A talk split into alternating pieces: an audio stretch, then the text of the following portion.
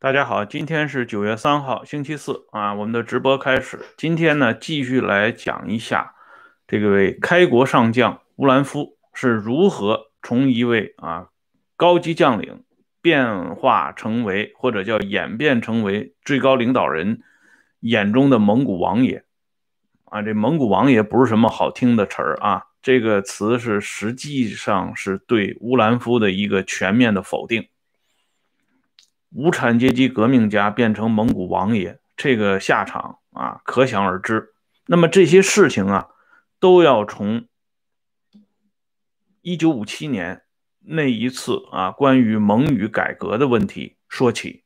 昨天呢，这方面的事情呢，我已经跟大家做了一个简单的介绍。但是这件事情，尽管啊，呃，涉及的只是语言文字方面的事情。啊，甚至可以说就是文教方面的事情，但是它引起高层的重视却是由来已久。这里呢，我跟大家先简单的介绍一点。哎，谢谢咱们这位朋友啊，就是早在日本统治内蒙古时期，就是当时策划成立了一个以德王为首的啊伪蒙疆政权。这个伪蒙疆政权和伪满政权以及汪伪政权这三大块，成为日本当时统治中国的三把利刃。那么，尤其对这个伪满政权和伪蒙疆政权，日本人是有一个通盘的打打算。据后来披露出来的一份资料，这份资料呢是当时伪满洲国国务总理秘书松本义雄随身携带的一本小册子。这本小册子后来在满洲国覆灭之后，这个小册子得以披露。这个小册子叫《日本人服务须知》，它是规定在满洲国内只有舰任级和满洲国军队当中校一级以上，日本关东军左一级以上这个官员呢才能佩戴和随身携带的，这是有保密级别的。那么这个手册的核心，就是对当时生活在满洲和蒙古这一带所有各民族的这些人的一个整体的剖析，对他们是如何进行管理和管教的。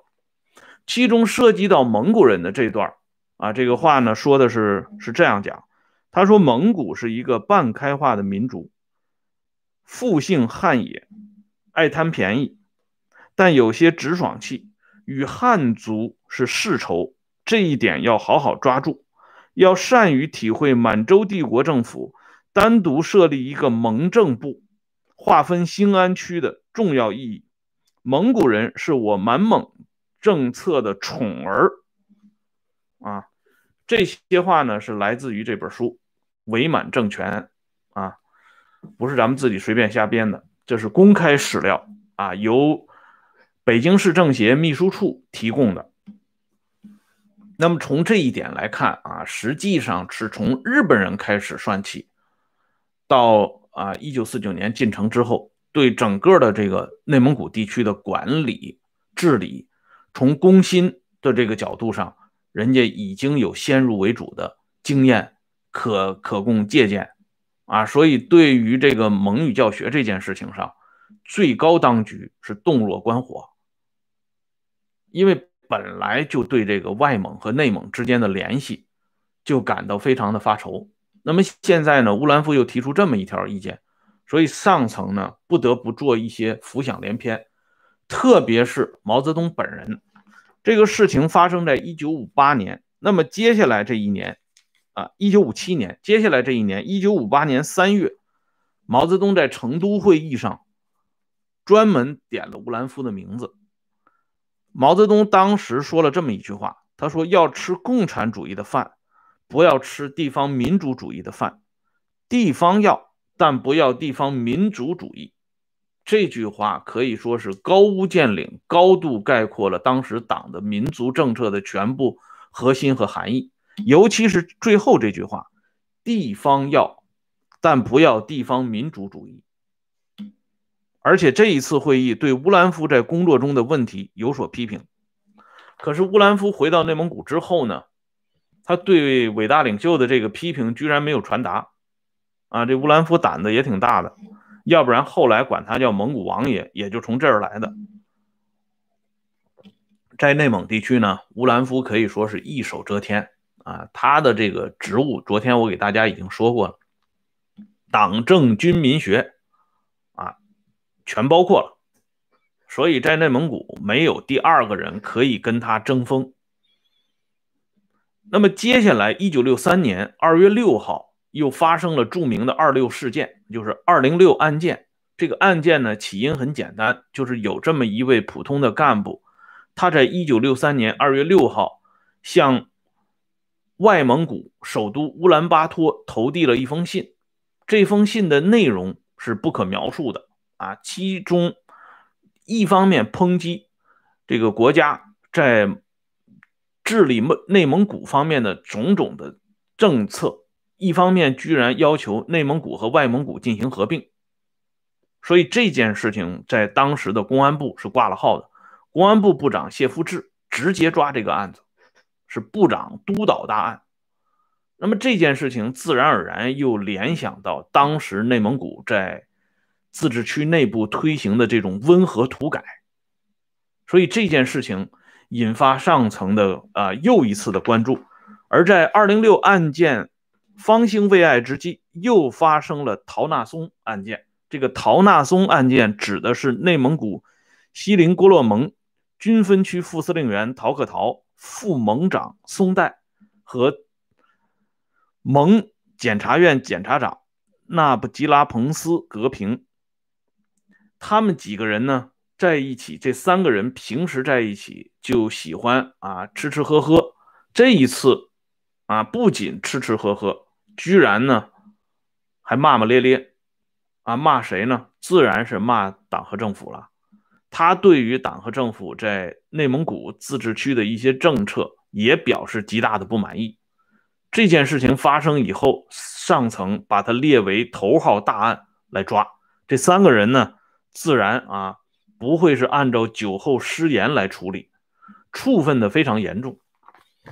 那么这三件事情放到一起，再加上内蒙古这个牧区的温和土改，这样呢？北京就坐不住了，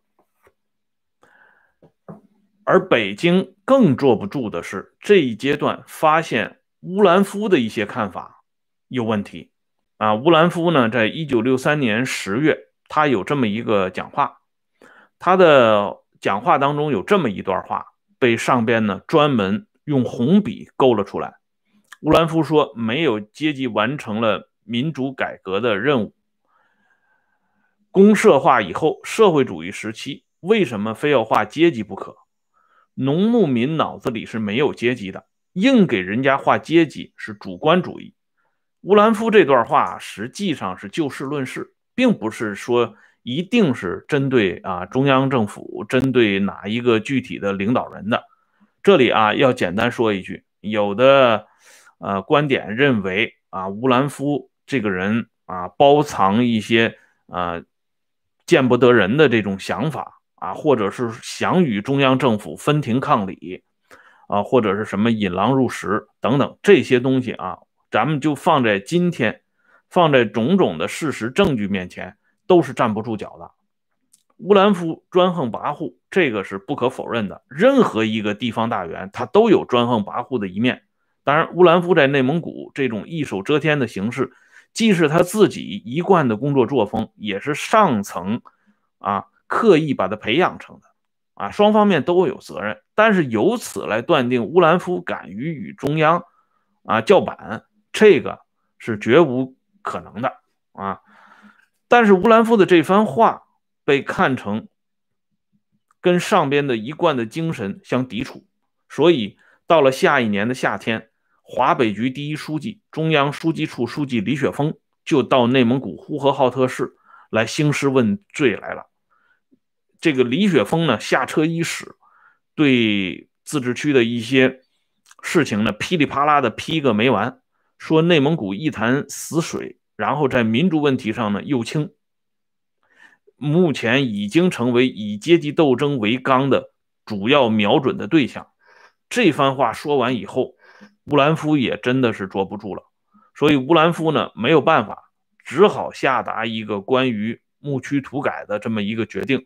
但是这个决定就像他1958年没有传达毛泽东的指示一样，啊，是属于啊高高举起，轻轻放下，啊，其实还是属于软呃软的这种顶牛的这个状态。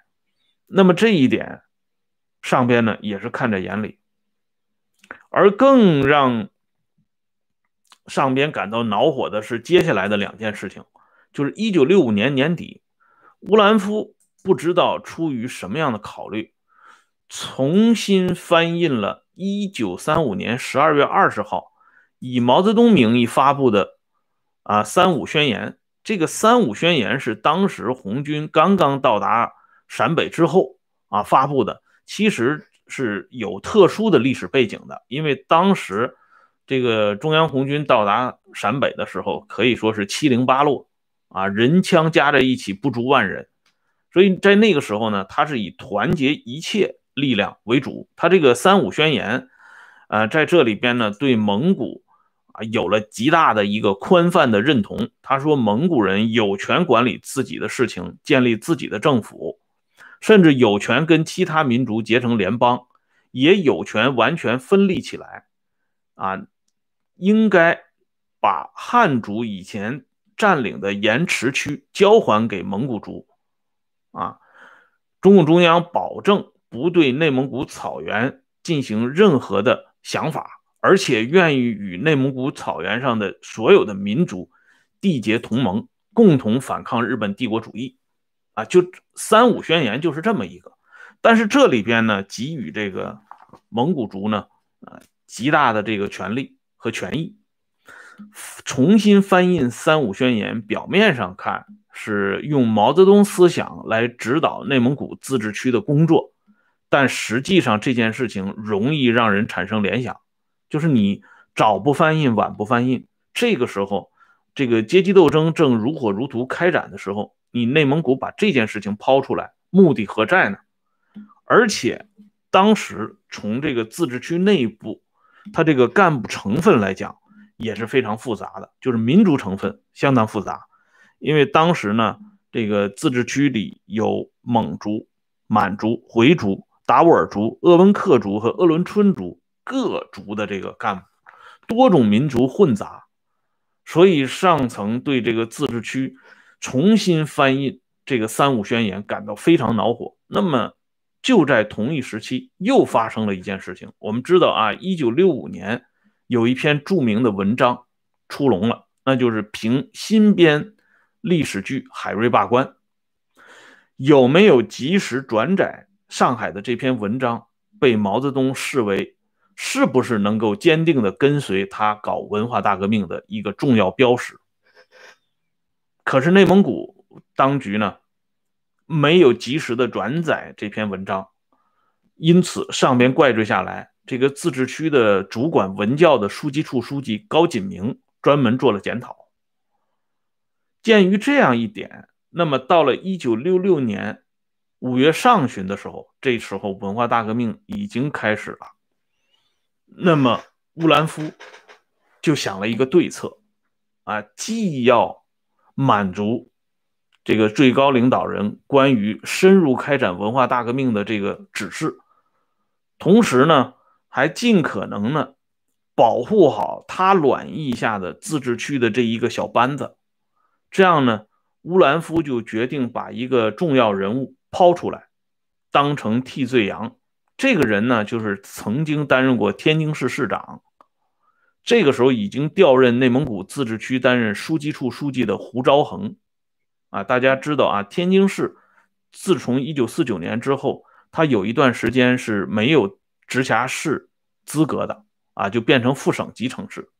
胡昭衡就是在那个时候担任天津市市长的。调到自治区担任书记处书记以后，胡昭衡化名李新，啊，写了一本小册子，这个书呢叫《老生常谈》，其实就是写一些杂文。那么乌兰夫把这篇老生啊这本《老生常谈》的小册子当成内蒙古地区的三家村札记，把胡昭衡当成内蒙古地区的邓拓、廖沫沙等人来进行批判。他认为呢，这么一搞，这事情可能就可以啊应付过关了。这就对这个没有及时转载海瑞罢官是一个回应。可是他不知道，当他踏进北京市前门饭店的时候。这一朵最大的乌云正笼罩着他，而他的个人的厄运呢，就从这个时候开始了。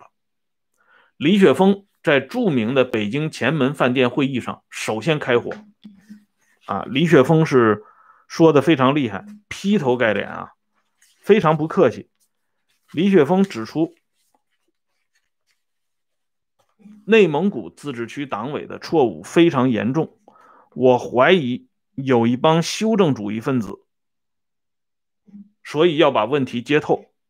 李雪峰的讲话刚刚结束，内蒙古自治区书记处书记兼副主席啊，自治区政府副主席刘锦平抢先发言，说：“我揭发乌兰夫，乌兰夫的所有错误集中起来就是一句话，他太听他老婆云丽文的话了。”啊，就是说夫妻店他已经把这个自治区变成他们家的夫妻店了。这刘景平一揭发之后呢，接下来啊，高锦明，刚才我们说的主管文教的书记处书记高锦明啊，也发连珠炮来炮轰这个乌兰夫。高锦明说：“乌兰夫，我们现在没有把你当成敌人看，但是你犯的这种严重错误，如果不修改的话。”我们就把你彻底打倒，啊，这个话说的也是非常狠。这样呢，乌兰夫被整整批斗了四十多天。这个事情没有结束，上层决定派刘少奇和邓小平对乌兰夫进行帮助，啊，这帮助是带引号的啊。而且就在这个时候，当年被毛、周、邓三个人交口称赞的开国上将乌兰夫。他的外号啊，已经变成了蒙古王爷。当时李雪峰和华北局提出的口号，就是要斗倒新时期的蒙古王爷，啊，指的就是乌兰夫。我们先来看邓小平这位乌兰夫在莫斯科中山大学同学啊，是如何帮助乌兰夫的。邓小平呢，不愧是毛啊。这个点的将，他是这么讲的：他说，目前内蒙的工作落后于新疆、宁夏、青海、四川，还落后于西藏。你乌兰夫不如赛夫鼎，你还站起来啊？呃，对这个地方民主主义进行包庇。你现在走的就是包尔汉的路，刘格平的路。你要搞独立王国，你这么走下去，你就是走到啊班禅他们那条路上去了。啊，你面对苏修、蒙修，你不搞阶级斗争，你把内蒙古向什么方向引？你不从这个地方深挖你自己的毛病和缺点，那是极其危险的。现在中央是给了你出路的，你要不要这个出路是你自己的问题。这等于说啊，把这乌兰夫已经置身于悬崖边上了。这邓小平批评人向来是比较凶的。而且现场，我们现在复述的只是邓小平讲的原话，而且他现场的那种声色俱厉的那种表情，我们没有办法复述复述，对吧？所以大家可想而知。但是在现场上呢，呃，刘少奇没有做过多的指示，只是邓小平在一直的说，邓的这个翻脸，邓为什么翻脸？那是因为毛首先已经翻脸了。正是在毛的这个关照之下，邓小平与自己昔日的同学和战友划清界限了。但是最具有表演杀伤力的，还不是邓小平啊？为什么呢？因为真正力度最大的是周恩来啊！咱们这位恩来同志呢，在批判乌兰夫这件事情上。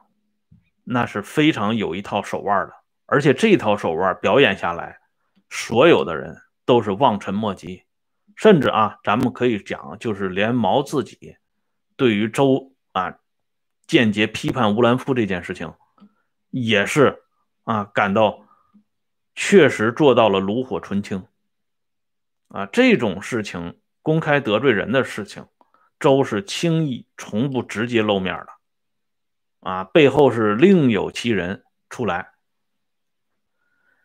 那这个人是谁呢？就是曾经担任过毛泽东秘书啊，就是在红军时期给毛当过秘书的。后来到了一九三六年，开始追随周恩来，一直在南方局任职的原国务院副秘书长兼总理办公室主任童小鹏。那么一九六六年的呃童小鹏呢，这个时候的童小鹏因为。中央办公厅进行重新的改组，啊，童小鹏被汪东兴点名要回了中央办公厅，担任中央办公厅第一副主任兼秘书局局长。他和李志忠两个人成为汪东兴在中央办公厅的重要助手，当然还有一个张耀慈，他们三个人分管秘书局、机要局和警卫局。本来这童小鹏属于老马识途，又一次回到中办给毛泽东服务。可是就在这个时候，周恩来把童小鹏派上了用场。那这个事情是怎么一个来龙去脉呢？咱们明天接着聊。